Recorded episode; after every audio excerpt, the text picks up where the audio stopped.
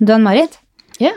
Um, vet jeg tror at jeg blir sett på som en ganske blid person, Ja. og prøver å være blid i hvert fall. Men når vi starta opp på Fornebu, så ja, når du starter en salong på en byggeplass, så er det mye som går skeis.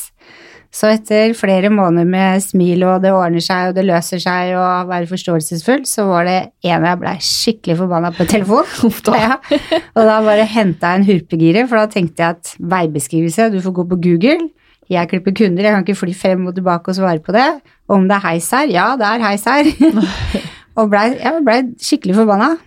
Han skulle levere et skap til oss. Og så står jeg i resepsjonen, jeg har tatt betalt, og frisørene surrer rundt, og så ser jeg liksom opp trappa, så ser jeg et skap, og det var jo fem meter langt. Sånn messingskap. Og hun kommer liksom to meter før jeg ser personen, og personen snur seg, som jeg hadde henta en huppegire på, så var det en mann som var 70 pluss, helt krokrygga, en jeg absolutt burde ha gått opp og hjelpa. Oh. Og jeg, jeg ble så sjokka over meg sjøl at jeg måtte sette meg ned på gulvet. Jeg lo så jeg tårer og alt bare rant. Monica løp på toalettet og lo, og Helstad løp inn på bakrommet og lo. Altså, det var helt krise. Hadde ikke gått trappa ned, håper jeg. Jo, det var det. Fordi at når han spurte om heis, så sa jeg jo det er heis på området, men du må jo bare gå på Google. Google Map. Da var det nok for sånne avbrytelser, da. Og så gikk han inn til Monica, da, på, og så sier han du, er det ikke heis her? Jo da, så jo klart det er heis, men det er på høyresida, du gikk inn på venstre. Og da, da, da måtte du jo le av det. Altså, det var helt krise. Jeg tror ikke jeg har ledd så mye på et halvt år jeg, i den salongen. Så det gjelder å ta en hurpegiret hurpegire på riktig person. Mm, Mm, sant. ja. Da følte jeg meg helt jævlig etterpå. Uff a meg. Ja.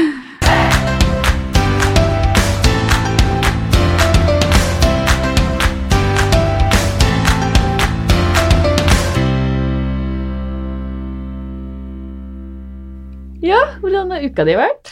Uka, den har vært eh, veldig bra, egentlig. Jeg har jo fått ansatt en ny frisør. Ja, det så jeg. Ja, Ja. husker de liksom rett inn i miljøet. Det er Ja. veldig, veldig veldig ålreit. Og så er det litt gøy å stå og se at det er, går framover, da. Mm. At vi nå er flere. ja. Så du ansetter flere, liksom. Det er Ja, framgang. ja Mhm. faktisk. Så det, nei, det er veldig spennende. Ja. Ja, Det er morsomt å få flere i staben. Ja. Hvordan har din uke vært? Jeg driver og planlegger til ny fotoshoot nå. Spennende. Ja. Ja, fortell. Jeg skal Øvrevoll, eh, norsk derby. Ja, Det er eh, nå om ikke lenge. ja. Og den dagen skal vi også ta bilder til eh, fremtidige eh, eh, Vi har reklamebilder Ja, eh, på Øvrevoll på dette arrangementet. ja, Jeg ja. gjorde det i 2012, så tok jeg bilder, og de har de brukt siden da. ja. Litt sånn fram og tilbake, og så lurte vi om vi kunne ta nye. Så det ville jeg selvfølgelig. ja så bra. Og vi skal ta det på arrangementet, så jeg får liksom vært der til liksom både alt som skjer, liksom. Åh. Så det er Nei, det etterlengta. Det er etterlengta, Ja, ja. så ser jeg på det. Ja. Så det, nei, det blir veldig gøy. Veldig gøy å være på fotoshoot igjen. Ja. Mm. ja, det er jo, det er jo deg, det. Det er jo det. Ja. Men vi sitter jo ikke her aleine. Nei, vi gjør ikke det. Eh, mange frisører ser på seg selv som kunstnere fordi vi lager kunst av håret. Vi klipper og styler og Og i dag har vi med to gjester fra, som driver Galleri Gramfjord i Oslo. Og de skal fortelle oss hvordan vi kan la oss inspirere av bilder. Velkommen til oss. Tusen takk. takk. Kan ikke dere fortelle litt om dere selv? Jo, mitt navn er Elisabeth Ramfjord, eh, og jeg startet eh, Galleri Ramfjord for 21 år siden, faktisk. Oi! Og eh, veldig ung. Eh, jeg var eh, billedkunstner selv, og eh, hadde egentlig ikke planlagt å starte galleri. Og så fikk jeg et eh, lokale som jeg brukte som eh, atelier, og så startet salget på en måte eh, ut fra det. Ja, sannheten er egentlig at jeg jobbet som servitør ved siden av studiene mine, og så eh, bestemte jeg meg for å ha en eh, utstilling på Café Broker. Og dette var jo Ah, 1990, Ja. Og så hadde jeg eh, 27 malerier, og alle ble utsolgt på åpningen. Eh, og så tenkte jeg at vet du hva, dagen etterpå så sa jeg opp jobben og fikk lokale. Så det var sånn helt tilfeldig. Og når jeg tenker på det nå, var det sikkert eh, relativt altfor tidlig å stille ut. Men det var liksom det som ga meg puffet da, til å på en måte skaffe næringslokaler og sette i gang. Og så har jeg alltid vært veldig opptatt av at eh, gallerier har vært veldig skumle å gå på. Det har vært liksom en sånn, og det tror jeg det er veldig mange som syns, at liksom terskelen for å gå inn på et galleri har vært eh, stor å ta, fordi at liksom man tror at man må ha en master i kunsthistorie for å kunne gå og oppleve kunst, og at den som sitter bak eh, disken der, liksom sitter bare og ser på deg, og jeg har selv opplevd det, for jeg er sånn som fyker rundt i joggesko, og liksom noen sitter bak en disk og ser på deg mens du Det er ikke så veldig behagelig. Så tenkte jeg nei, jeg skal starte et annerledes galleri hvor det skal være hyggelig å, å være, og det syns jeg jo et 21 år senere at jeg har fått til, da.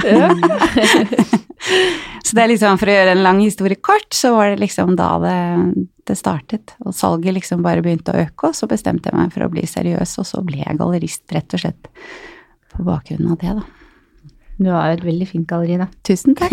Ja, det, var, eh, det, det var sporty, holdt jeg på å si, å bare si opp og liksom 'dette går jeg for', og så har du det gått var inn jo med den begge beina. der boosten da, som Ja. gjorde liksom at eh, Ja, jeg tenkte at nei, nå må jeg gjøre alvor av Ja. Så det, det, det ble liksom til Galleri Ramfjord sånn eh, sakte, men sikkert eh, de to neste årene. Altså fra, fra jeg fikk det lokale da, til jeg startet. Mm. Du har guts. Ja, Jo, takk. jeg var altfor ung, vet du. Da har man plutselig mye mer guts. Jeg tror ikke jeg hadde gjort det samme i dag. Det er sånn man sier man blir klokere med alderen, men jeg tror den gutsen, den der som man har når jeg var, jeg var vel 6-27, at liksom den gutsen, den, den, den er annerledes enn den som er med all erfaringen i dag. Mm. Så jeg er veldig glad for det egentlig, at jeg hoppa i det og gjorde Altså, og så er det jo fem år med søvnløse netter og vondt i munnen og alt det det innebærer, og 24 timers jobb eh, per døgn og alt det der. Mm. Vi har jo en til her.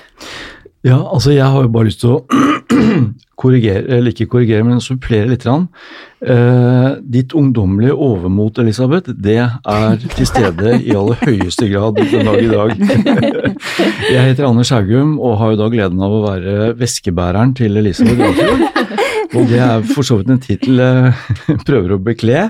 Eh, bifaller veldig din beskrivelse av hvordan du ønsker at ditt galleri skal bli sett på av eh, førstegangsbesøkende og samlere. Eh, og selv har jeg ikke noe problem med å identifisere meg med en sånn eh, verdi som, eh, som jeg føler at ditt galleri står for. Så eh, jeg er relativt da ung i kunstverdenen i forhold til eh, deg, men de siste fire-fem årene har jo lært meg ganske mye. Ja, og så skal det jo sies at Anders og jeg er, har vært helt Altså fra vi traff hverandre for nesten fem år siden, så har vi vært et team. Altså uten Anders så kunne jeg ikke ha drevet. Det er rett og slett med med at en jobb er en hobby og en, et, det, er, det er rett og slett skal, et, en livsstil som gjør at eh, når man er partnere, så er man liksom partnere på godt og vondt hele veien. Så hvis ikke Anders hadde liksom stilt opp og vært der, så jeg tror kanskje ikke vi hadde sett hverandre engang. Så det er jo klart at Og når vi er ute og reiser i den store verden, for det gjør vi ganske ofte, så er Anders med. Og vi jobber sammen, og vi kan til og med reise på messe i Basel, og eh, det kan gå 24 timer uten at vi snakker sammen. Fordi vi begge to vet faktisk akkurat hva vi skal gjøre. Så etter hvert, altså vi er så samkjørte at uh, vi bærer inn alle kunstverk. Anders pakker ut, jeg plasserer, han henger, jeg Altså vi har en sånn arbeidsfordeling som gjør at det er helt fantastisk å kunne jobbe sammen. Og så når vi er ferdige for dagen, så kan vi gå ut og ta en drink, og så er vi kjærester. Så vi har liksom på en måte den jobben uh, som vi begge nå har lært oss å liksom gjøre sammen. Og så har vi liksom, får vi også muligheten til å være sammen og reise og, og gjøre hyggelige ting oppi alt det der, da. Så Ja, det var min versjon. Men dere smitter vel litt på hverandre òg? Jeg så på et bilde som Anders la ut på Instagram, så hadde vel du lagd eh, blomsterkasser Ja. jeans. Jeg er så kreativ, vet du. Ja. Men det er sikkert fordi du omgir deg med kreative mennesker, tror du ikke det? Jo, det har det sikkert blitt eh, enklere for meg å liksom trekke frem sånne sider. Ja. Så en olabukse på veggen med en blomsterpotte inni og sko under, og så Han brukte jord. en uke, altså. for å finne dette her. Han hadde helt planen helt klar. Jeg bare holdt meg helt i bakgrunnen. Jeg syns dette var kjempemorsomt. Ja. Nei, altså kreativitet og inspirasjon er kjempeviktig både for eh, de som jobber med kunst, og de som jobber med hår, etter min oppfatning. Mm. Og så er det jo et eller annet med at Anders driver jo også med fotografering, og det gjorde han jo lenge før han traff meg, og nå ser vi at vi får virkelig bruk for det i galleriet og dokumentere alt vi gjør, og han blir jo bare dyktigere og dyktigere som fotograf, da. Eh, og det har jo også noe med inspirasjon, inspirasjon å gjøre, ikke sant? At man liksom får eh, Og i, når vi hadde disse kunstnerne på besøk i, i mai, så skulle Louis Bivar, en av kunstnerne våre, vi fikk i oppdrag å lage en, et vegg, stort veggmaleri på bygningen rett over galleriet. Og eh, Louis bare 'jeg trenger hjelp', og Anders bare 'ja, jeg er med'. Så de sto med spraybokser midt på natta, og Anders kom hjem klokka halv tre, og stivfrossen, og politiet hadde kommet, og Så det var liksom Og da var jeg jo ordentlig kunstner. Og så sier Louis 'jeg setter navnet ditt' Nei, nei, han skulle ikke ha navnet sitt på, men eh, han syntes det var veldig gøy. Men hva har eh, frisører og kunstnere til felles? Jeg, altså, det er jo kreativt. Um, og jeg, jeg tenker sånn at uh, det kan nok hende også at man henter inspirasjon fra, fra samme steder. At man uh, Vi ser jo også på en måte i kunstverden dette med trender. Uh, og det gjør jo dere også som frisører. Det ser vi på interiør, vi ser det på, på, um, på mote. Um, som dere også er på altså påvirket av. Det ser vi også i kunstverden, så det er jo kanskje felles. Men jeg tenker sånn i det store og det hele så er det jo dette med altså kreativiteten. Altså som kunstner så, så bruker du jo kreativiteten din på akkurat samme måte som en, en frisør er nødt til å gjøre. Dere har sikkert kjedelige dager, og så har dere sikkert mer utfordrende dager hvor det er mye mer spennende og man har mer frie tøyler og hvor det er morsommere enn andre ting. Og jeg tenker at det gjelder jo for alle som driver med utøvende virksomhet, altså sånn kreativt, da. Mm. Men hvis, eh, hvis den som ikke er så veldig god til å se bildet, hva skal vi se etter et bilde når vi er på et galleri eller er hos dere? Hva er det vi skal se etter? For meg er det aller, aller viktigst at man ser etter det man liker. Fordi eh, det er så mange som tror at å ja, nå skal jeg på galleri, nå skal jeg tolke et bilde, og så, jeg, og så ser man bare masse farver eller et eller annet, og så tenker man liksom Så kommer det i veien for opplevelsen. Altså noen ganger så ser man noe, og så tenker man bare åh, fy søren, det var vakkert. Eller at man begynner å gråte, eller at du får en sånn der følelse, og så skal noen prøve å, å, å få deg til å forklare Hvorfor? Altså, hvorfor skal du rettferdiggjøre en følelse eller sette ord på det? Altså, det er ingen som har, bør kreve det av noen som betrakter. Så hvis du ser noe Altså, to, to, for, to, mennesker kan føle helt to forskjellige ting. Jeg har opplevd at noen har løpt ut av galleriet fordi de har begynt å gråte fordi de har eh, blitt så rørt fordi de syns det var så vakkert, og en annen person har sett det samme kunstverket og begynt å gråte fordi de syns det er helt forferdelig. Altså, de syns det er fryktelig. Vi opplevde det senest i går. Mm. Så det er eh, et eller annet med at eh, hvorfor skal eh, enten vi da eller noen andre fortelle at jo, her skal du føle sånn og sånn. Kunstneren er også veldig opptatt av at betrakteren skal kunne på en måte få lov til å føle det de selv vil. Det opplevde jeg hos dere faktisk, med hun Lene Kilde. Ja, ikke sant? var, ja, men det var, jeg liker jo veldig godt hennes, for hun lager jo med ståltråd og sånn. Ja. Da var det sånn hender som holdt i hoppetau, og så var det bein, og så Ja. var liksom stolteren klippet av litt sånn Mm. halvveis opp på leggen. Mm. Og det jeg så inn i, det var jo liksom ei jente som hoppet på tau, tenkte jeg da. Mens en eldre dame som sto der, hun eh, tenkte at det var en som måtte få sprengt beina av altså miner eller noe sånt. Ja, ikke sant? Og det er jo et kjempegodt eksempel. Eh, og det er jo ikke sikkert at vi i det hele tatt får vite hva Lene egentlig har ment. Nei. Og det er egentlig ikke så interessant. Eh, Noen kunstnere lager jo kunst fordi at de ønsker å fortelle en historie, Mm. Um, og det er også ok med sånt, eh, altså temautstillinger eller at det er Men noen ganger så er det, hvis det er åpent, da, hvis kunstnerne bruker titler som er åpne, som gjør at du kan tolke de på flere forskjellige måter, så er det ikke noe riktig og galt. Og det syns jeg er kjempeviktig å formidle, at det er det du føler, det er liksom det. Kanskje du ser deg selv som liten og eh, som, og hoppetau var kanskje din store lidenskap, og at du får en sånn god følelse av å se på noe, mens noen andre tror at det er et krig, krigsoffer. Jo, jo, men at det, Ja, Ja. Unnskyld. At jeg det var går god til å hoppe på tau, jeg. Ja, ikke sant? Så da er det en positiv opplevelse. ja. Så det er eh, Nei, jeg syns det skal være opp til eh, opp til den som ser, og at det er ok at man bare liker noe, eh, uten å trenge å liksom fortelle hvorfor. Mm. Mm. Hva slags kunst er det dere har? Vi har, nå er jo dette her liksom på sånn eh, radio, så det er jo den, det er utfordringen å forklare. Altså vi har jo samtidskun- samtidskunst, altså det er nålevende kunstnere, som, eh, hvor eh, over 80% av det vi viser er figurativt. Um, og noe abstrakt, men mest figurativt.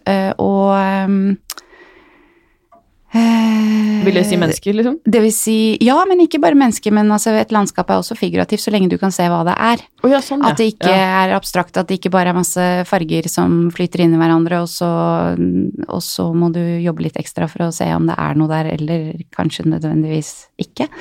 Um, men, uh, men ja, mest mennesker, fordi vi har ikke så mye tradisjonelle landskapsmalerier og sånne ting. Det er contemporary art, altså samtidskunst. Mm.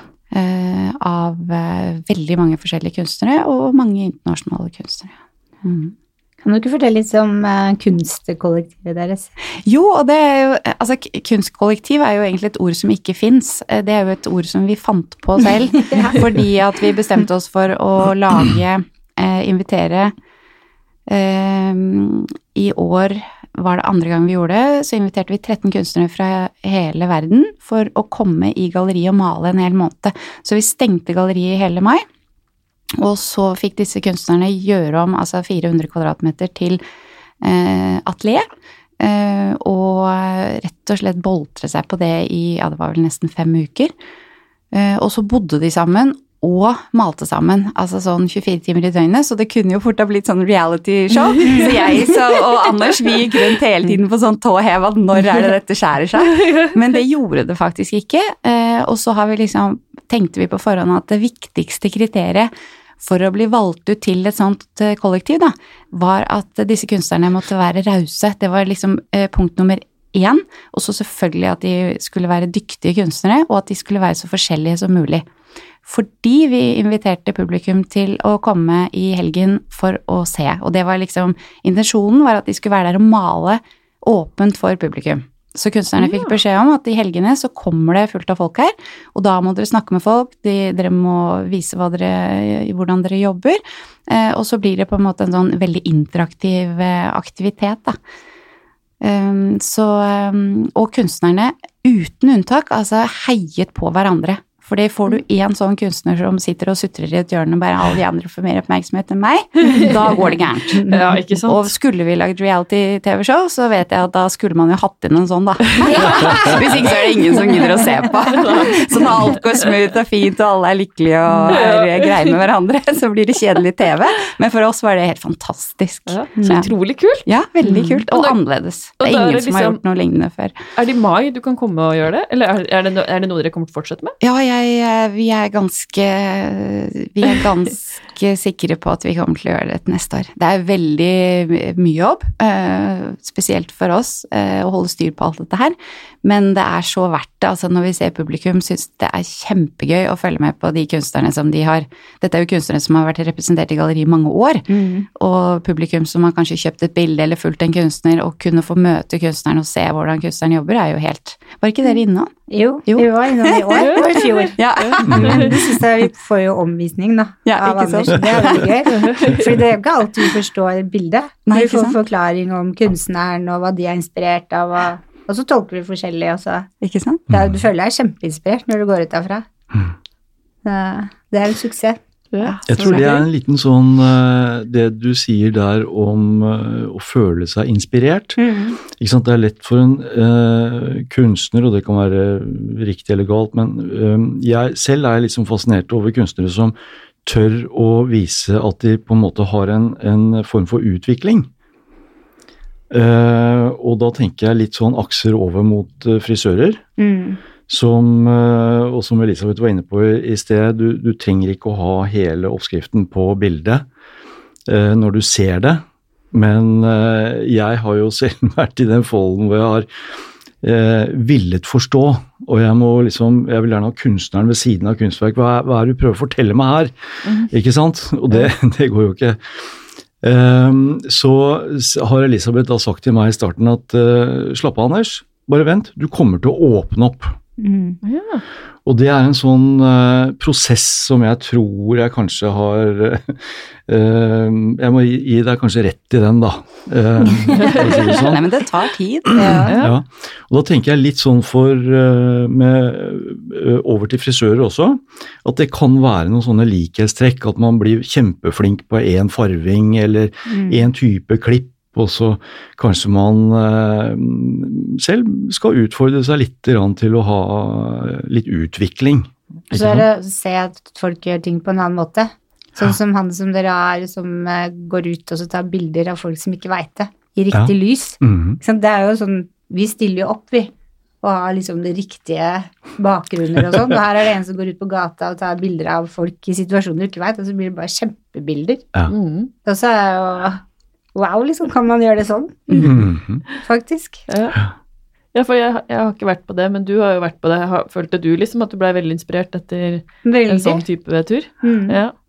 Det var veldig, veldig gøy. Mm. Altså Her tror jeg det er krysning mellom uh, den typen kreative yrker som både kunstnere og gallerier Mm. eh, driver med, og som frisører uh, står oppi. Så man ikke går i stagnasjon. Ja, og Der er det å få hjelp til å åpne opp og se ting Mm. på andre måter og gjøre ting på andre måter. Mhm.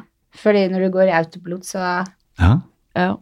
Hvis jeg har gått på galleri før, så bare sitter og ser på og tenker ja, den rosa fargen passer hjemme i stua. Men det er kanskje se forbi det, da. ja. For noen har det jo bare, mens andre, sånn som meg, må hjelpes ja. Mm. til å se det. Men hvis det er noen som tenker at ja, jeg går på galleriet, men jeg forstår ingenting, så må man bare gå på mange gallerier, da. Og så til slutt så vil det åpne seg. Det, det vil Ja. det, og så er det et eller annet med hva- er liksom god kunst, og hva Mm. Eller jeg tror at eh, Altså, hvis man legger det til side, da, men hva eh, Hvis man lurer på hva man liker Altså, jeg har pustet opp en eh, leilighet og, og begynt å Jeg har aldri lest sånne interiørblogger og sånne ting, jeg har plutselig begynt med det det siste året. Og fy søren, det blir jo for meg, da, i, å komme inn i en ny verden, eh, og så plutselig så lærer jeg meg til hva jeg liker, fordi jeg blir eksponert for mange ting.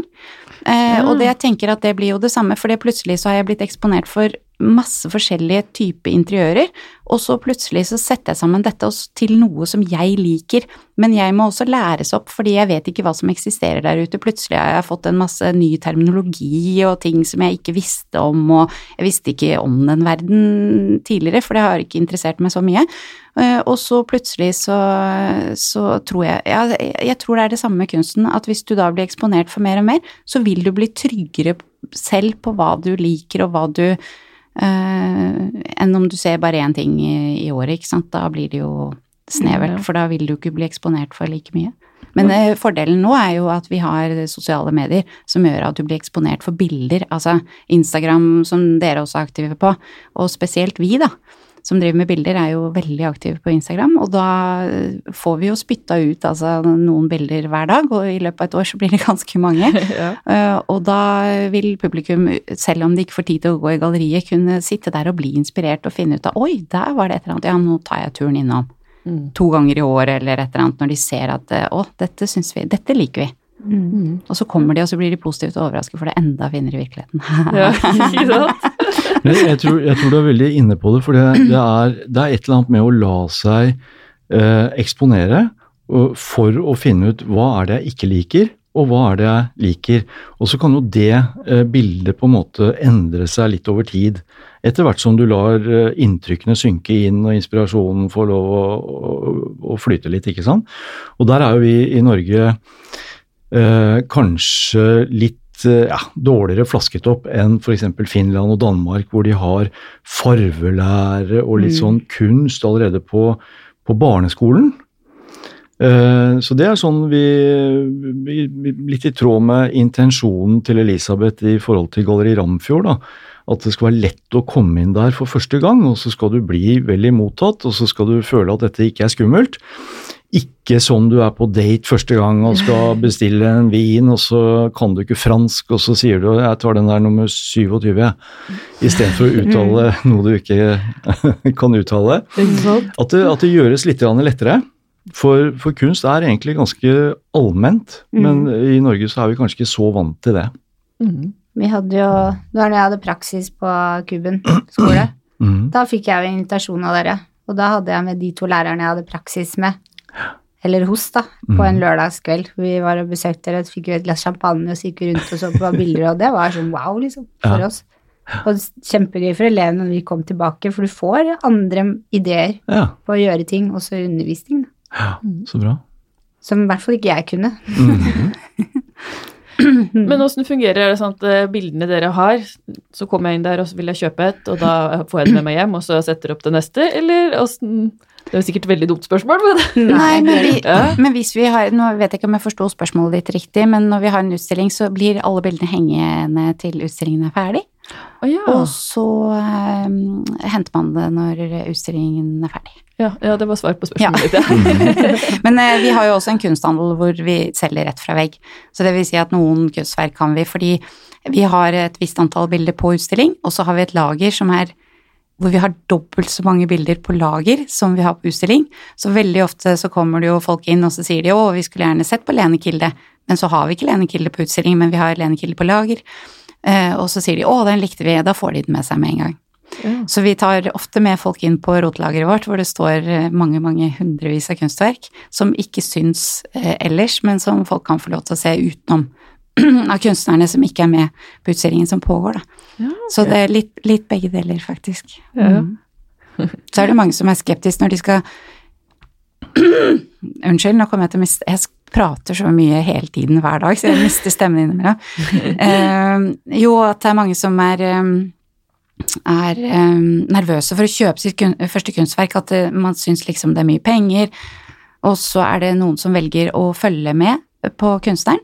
Eh, Og så vil de se på en måte at eh, kunstneren ofte stiger i verdi, eller at eh, kunstneren har utenlandsaktivitet, eller at man på en måte, hvis man liker en Si Lene Kilde, for eksempel, da, som har hatt en veldig spennende utvikling, som du faktisk liker. Eh, og hvis du da har fulgt med litt ekstra på henne, så ser man plutselig at å, der er hun i Basel, å, der er hun i Salzburg, å, nå er hun i Miami. Og så ser man at ok, dette må jo være en spennende kunstner å følge med på, fordi her skjer det jo veldig mye. Og så fikk vi eh, nyheten her at eh, at Taipei har kjøpt inn 24 skulpturer til en samling, en sånn kunstsamler der, da. Og det er jo klart at eh, når en kunstsamler fra Taipei da bestemmer seg for å kjøpe 24 skulpturer av Len Kilde, så, så tror jeg ikke man trenger å ha master i kunsthistorie for å skjønne at ok, så er dette ganske spennende. Jeg syns det er spennende for Så- du lager annerledes ting.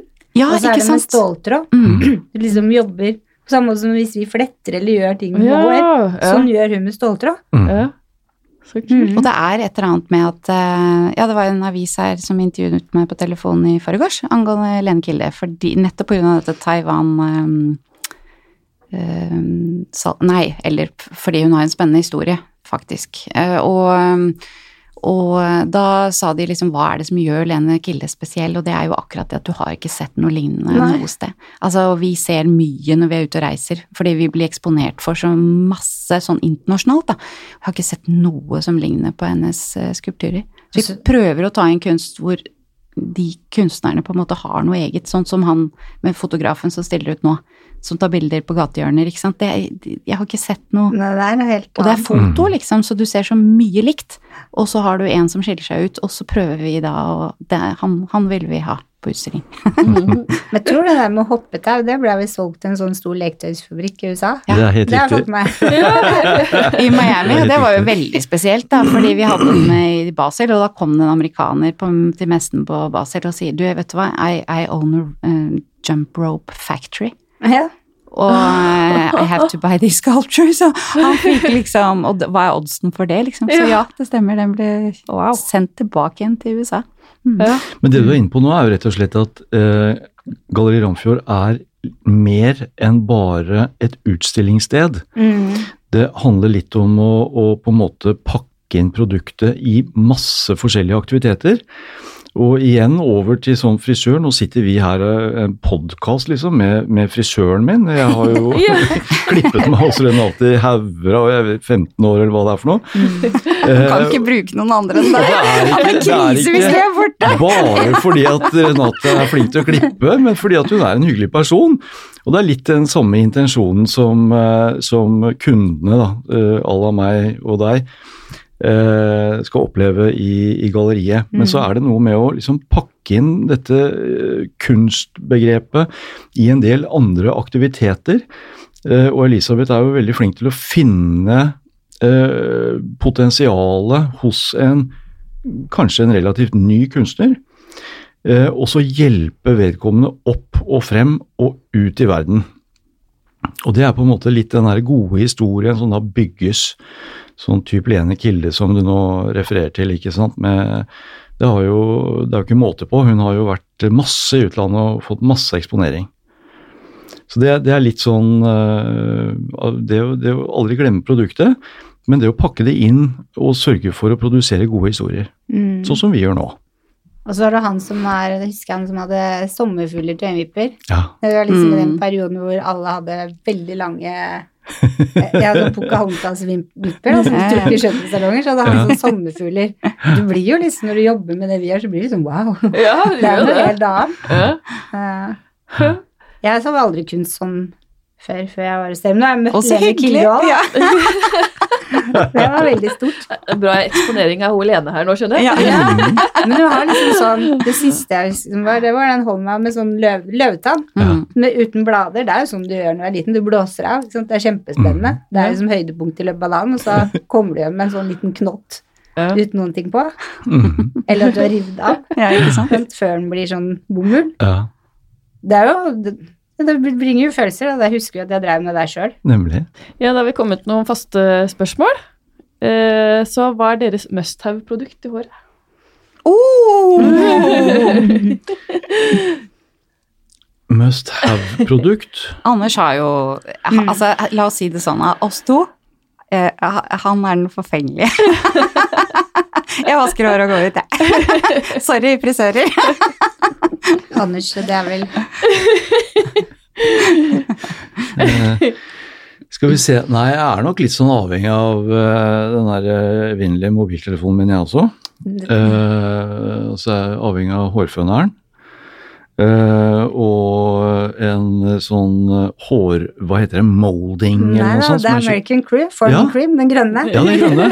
Den er med den overalt. Hvis den er glemt, det er det krise. Og, og føneren. Selv om vi skal på hotell, og alle hoteller har alltid føner, så har han alltid med føner. Ja, for de er ikke bra nok, de som er på hotellet. Det er sånn dårlig Ikke sant? hadde de blåst ikke engang. Nei. Ja, det fins vel ikke noe verre enn en dårlig føner, liksom. Nei. Jeg har aldri brukt føner i hele mitt liv.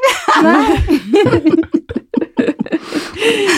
Du, vet du hva, Mustau, altså jeg må, ja, men jeg må ha, jeg må alltid ha strikk, ja. Ja. Ja, fordi at uh, jeg prøver å ha håret ned, så hver gang jeg kommer fra frisøren, så ser jeg strålende ut, og så kommer det opp i strikk i løpet av ti minutter, tror jeg. For jeg liker ikke å ha hår i ansiktet. Nei. Så jeg vet ikke hvorfor jeg har så langt hår. Jeg har kjempelangt hår, men det er ingen som har sett det ned. Nei. Så ja, det har du helt rett i. Strikk må jeg ha. Og balsam. Ja, Ja. Har du med. Ja, det har jeg. Balsam, for hvis ikke så ser det sånn ut. Enda mer enn det gjør ellers. Og da er det aldri hotellbalsam, da har du med Nei, egen. det, det går ikke. Alltid med egen. Ja, det er faktisk riktig. Ok. Ja. Men da blir dette spørsmålet her kanskje litt lettere. Hva inspirerer dere? Ja, det var ikke så lett, for det er jo så mye. Ja. Altså, jeg må jo si at jeg, jeg fordi jeg er kunstner i, i bånn, da. Altså, det er jo Jeg har litt delt utdannelse, men jeg startet jo ut som billedkunstner selv. Så når jeg har vært på museum, når Anders og jeg har vært og sett en fantastisk utstilling i New York Vi får aldri gått på utstillinger i Norge, fordi det, vi har ikke tid. Dessverre, heldigvis for Instagram og alle andre kanaler. Men, eh, vi, eh, men når vi er ute og reiser, så går vi alltid på utstilling. Og hvis jeg har sett en god utstilling da, så da kribler det i hendene, og jeg har lyst til å dra hjem og male. Så sånn får jeg inspirasjon. Men det skal sies at i yrket mitt som gallerist, så får jeg inspirasjon av andres suksesshistorier. Jeg tenker aldri på at liksom eh, hvis det, et annet galleri gjør det bra, hvis noen liksom gjør det bra, så tenker jeg ikke Da tenker jeg bare at fy søren så bra, nå har jeg noe å hige etter. Så jeg får veldig inspirasjon av suksesshistorier. Uavhengig av eh, hvilke. Det trenger ikke å være andre gallerier, det trenger ikke å være i samme bransje engang. Men hvis noen har fått til noe, det elsker jeg å lese om eller høre om. Mm. ja, det er enig. Det elsker jeg å høre om. Ja. Ja. Så det syns jeg Det får jeg inspirasjon av. Mm. Ja. Jeg kjenner at jeg, jeg har jo en annen jobb sånn i, til daglig. Um, og så kan jeg liksom da uh, ved sekstiden komme ned i galleriet på ettermiddagen, kvelden, og bare kjenne ja! Energi! Og da er jeg hjemme. inspirasjon. og da starter på en måte min øh, arbeidsdag nummer to øh, med hobbyen. Og det i seg selv er utrolig inspirerende for meg, altså. Mm. Og så må jeg si meg enig med Elisabeth når vi er på, på reise og vi har tid til å gå og dykke litt inn i, bruke litt tid på et uh, museum eller et galleri eller hva det skulle være for noe, og vi treffer noe som treffer oss, da er jeg i himmelen. altså. Da er det gøy å være på utstilling med Elisabeth Ramfjord som bare har svart belte i. I hvert fall da spiller vi ganske godt sammen. Ja, og Anders har jo begynt å lese seg opp, så han har jo lest tjukke bøker i kunsthistorie som jeg ikke har lest. Så han har litt å bidra med, han òg. Så vi er, nå begynner vi å bli relativt gode på de gamle kunstnerne. Og, så hvis vi går litt tilbake i tid, da, så er han bedre enn meg. Dere utfyller hverandre virkelig, dere. Ja, vi gjør det. Ja, gjør vi det? Ja, vi gjør det. Ja, hvor er Ramfjord om eh, fem år? Jeg har vært, nå har jeg holdt på så lenge at eh, jeg, eh, vi utvikler oss veldig sakte. Og intensjonen, og jeg vet ikke om jeg har gjort dette med vilje eller ikke, men det har gått veldig, veldig sakte. Alt vi har gjort, det, progresjonen, alt med, eh, altså det er gjort med vilje, fordi at jeg ser at ting Altså hvis man ekspanderer for fort, hvis man gjør ting for fort, så går det som regel ikke bra. Bygger man opp ting sten for sten, sakte, men sikkert, så bygger man opp et fundament som varer, tror jeg. Altså det er min, min mening. Det er ikke sikkert alle er enig med meg i det, men pluss at eh, man skal også ha en kapital når man starter, hvis man skal starte hardt ut, og det har jeg aldri hatt. Vi har bygget opp eh, brick by brick eh, alene, og da tror jeg at fortsettelsen kommer til å bli i samme tempo som vi har hatt nå. Det skjer jo noe spennende hele tiden. Og jeg tror ikke Altså, det er mange Vi har jo en del kunstsamlere også, som vi har vanlige folk, eh, og de skal vi fortsette å ha. Vi har de samme studentene som kjøpte kunst på avbetaling for 10 år siden, 20 år siden, som fortsatt er kunder og fortsatt følger med i galleriet. Men så har vi nye og nye studenter, og så har vi de tunge eh, kunstsamlerne som eh, lurer på liksom når vi skal bli enda dyrere og enda sånn og enda Og det har jeg ikke noe tro på. Så jeg tror at vi, vi fortsetter på en måte i slow motion, og vi bygger videre og fortsetter med utenlandsaktiviteter. Vi snakket om det senest i går, at fire i året, det tror vi er fint. Det har vi gjort nå hittil. Og at vi ikke går for fort frem eller gjør for mye. Så om fem år, Anders, da Ja, altså over til meg, så sitter vi her, og så er vi eh, kommet bitte litt lenger, men ikke så mye lenger. Ja, det kan godt hende. et elendig svar, kjenner jeg. Nei, men vet du hva? Eh, Ved siden av det så glemmer du liksom det med eh, litt sånn spontanitet også. Jeg, jeg eh, syns at det ligger noe vilje til spontanitet i, eh, i, i den tålmodigheten din. Så det Men vi bestemmer oss alltid for at vi skal ta ting sakte og rolig, og så Mm. bestemmer vi oss alltid for at vi i spontanitet, det, det er vi ferdig med. Og så går det tre uker, og så er vi bare Nei, vi gjør det! Ja. og så dukker det opp et tilbud, og så var det sånn som i sommer, da, hvor det dukket opp et spennende tilbud like før sommeren, hvor vi bare tenkte at det, dette rekker vi aldri. Um, uh, og så så vi på hverandre, og så sa vi ja, sommerferie, det, det, det er for de andre, det. Og så kjørte vi på, og så ble det ikke noe sommerferie, men så har vi hatt det veldig morsomt, og så fikk vi en suksesshistorie ut av det òg. Mm. Ja. Men jeg tror at om fem år så, så, så um, eh, har, jeg, har jeg fremdeles hår. Og da tror jeg, hvis fremdeles Renate gidder å, å klippe det, da, så, så tror jeg nok at for da om fem år mulig jeg henger et horn på veggen. Men uh, hvis Renate da gidder å klippe meg, så tror jeg jeg skal fortsette med det, altså. Det er bra. Det er godt å høre. Men kunstkollektivet, da? Fortsetter det om fem år? Tror du det? Det er veldig vanskelig å si. Ja. Prøver, vi prøver å ta ett år om gangen. Altså Alle utstillingene er allerede planlagt i hele neste år. Ja. Så vi, vi, vi, vi er ikke sånn at vi, det går fra måned til måned. Det, går, det blir planlagt ett år frem i tid, så vi vet eksakt hva vi skal gjøre til neste år. Eh, med unntak av spontane altså ting som plutselig dukker opp, for det, stort sett så gjør vi det. Altså hvis det dukker opp noe spennende, så, så hopper vi ut i det. Mhm. Eh, men eh, ett år om gangen er liksom egentlig sånn som det alltid har vært, og som jeg tror det kommer til å forbli. Dette kunstkollektivet med en hel måned hvor vi på en måte stenger døra, bortsett fra helgene, hvor publikum kan komme og, og besøke. Det eh, Noe av det som, som, på en måte frister meg mest til å si ja til å fortsette å holde på i fem år til, det er jo rett og slett at kunstnerne syns det er helt fantastisk eh, å være der og mm. jobbe og inspirere hverandre og heie hverandre frem. Det er akkurat det. Pluss at publikum opplever et helt annerledes galleribesøk. Mhm. Jeg skal definitivt neste gang. Ja, det, det blir, det blir nå neste. Ja, Årets frisør. Stått Ja. en måned sånn og bare jobba og inspirert hverandre. ja det hadde vært gøy. Det hadde vært sykt bra. Ja, det hadde vært gøy. Ja. Mm. Noe å tenke på. Ja. Ja, eh, hvor finner vi dere på sosiale medier? Uh, Instagram, Galleri Ramfjord. Ja. Uh, og Facebook, Galleri Ramfjord. Ja, rett og slett. Og Twitter, Galleri Ramfjord. eh, og så har vi en blogg, men den eh, blir brukt under auksjoner. Så det, den blir rett og slett eh, Dere vet selv hvor tidkrevende det er med sosiale medier, så bloggen vår den blir den, den brukes to ganger i året. Ja. Så den er ikke så aktuell, så det kan Eller så kan man ta beina fatt eller en sparkesykkel eller en bysykkel og så Ja. dra til dere på Sankthanshaugen. Ja, vi ligger jo egentlig ganske greit til. Ja. Det er liksom to minutter å gå fra stoppet som heter Sankthanshaugen. Altså fra toppen. Mm. Mm. ja. Da har vi kommet til veis ende, da. Da må vi takke dere for at dere kom. Ja, tusen takk for at vi fikk komme. Ja, Ja. absolutt.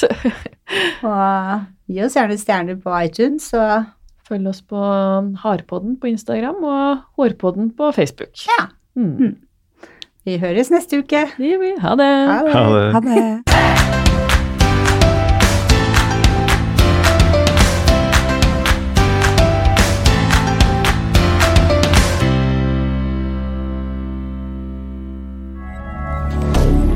Moderne media. Har du et enkeltpersonforetak eller en liten bedrift? Da er du sikkert lei av å høre meg snakke om hvor enkelt det er med kvitteringer og bilag i fiken, så vi eh, gir oss her, vi. Fordi vi liker enkelt. Fiken superenkelt regnskap.